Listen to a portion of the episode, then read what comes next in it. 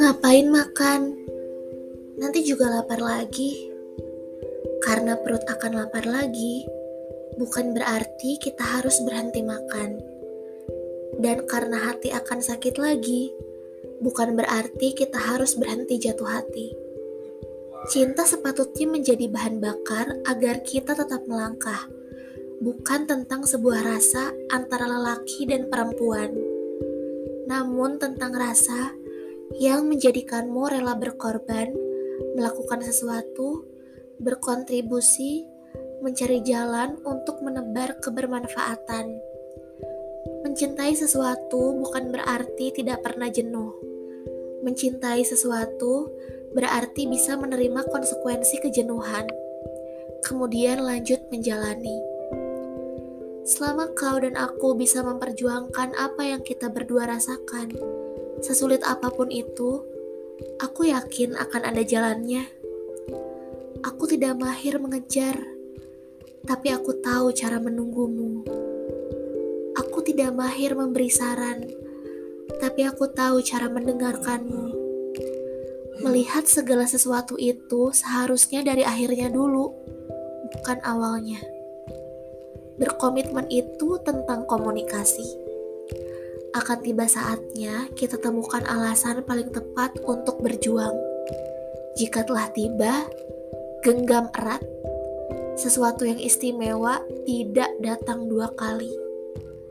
Pengganggumu akan pergi setelah kau tak sesuai lagi dengan imajinasinya. Namun, orang yang menyayangimu akan tetap tinggal betapapun buruknya dirimu. Kita lupa bahwa hampir setiap tokoh dunia mesti menghadapi hinaan pada zamannya sebelum dicantumkan sejarah. Ada ketulusan yang selalu datang menyapamu setiap hari. Kaunya saja yang menolak untuk melihat dan lebih memilih untuk menatap ke arah lain. Adalah setidaknya beliau, ibumu, seseorang yang sering kali lupa mendoakan dirinya sendiri hanya karena terlalu sibuk mendoakanmu sebagai anaknya. Seseorang yang tepat tak selalu datang tepat waktu. Kadang ia datang setelah kau lelah disakiti oleh seseorang yang tidak tahu cara menghargaimu. Tuhan menitipkan jabatan agar kita bisa membenahi apa yang salah pada dunia, bukan memakai jabatan tersebut sebagai kesempatan yang pernah dilakukan para pendahulu kita. Dan Tuhan menitipkan kesuksesan agar kita bisa mengangkat derajat mereka yang dilanda kesulitan, bukan memakai kesuksesan tersebut sebagai media pamer pencapaian dan entah dengan kejujuran atau kebohongan, semua orang yang kita temui akan mengajarkan apa artinya kepercayaan. Rasa yang tidak berbatas takkan mempermasalahkan ketika tidak berbalas.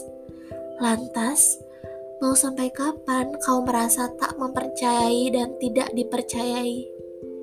Sampai segalanya terlambat untuk dibenahi, sampai cahayamu benar-benar padam. Sadarkah Tuhan mengujimu karena Dia percaya bahwa kamu lebih tua, kuat daripada yang kau duga?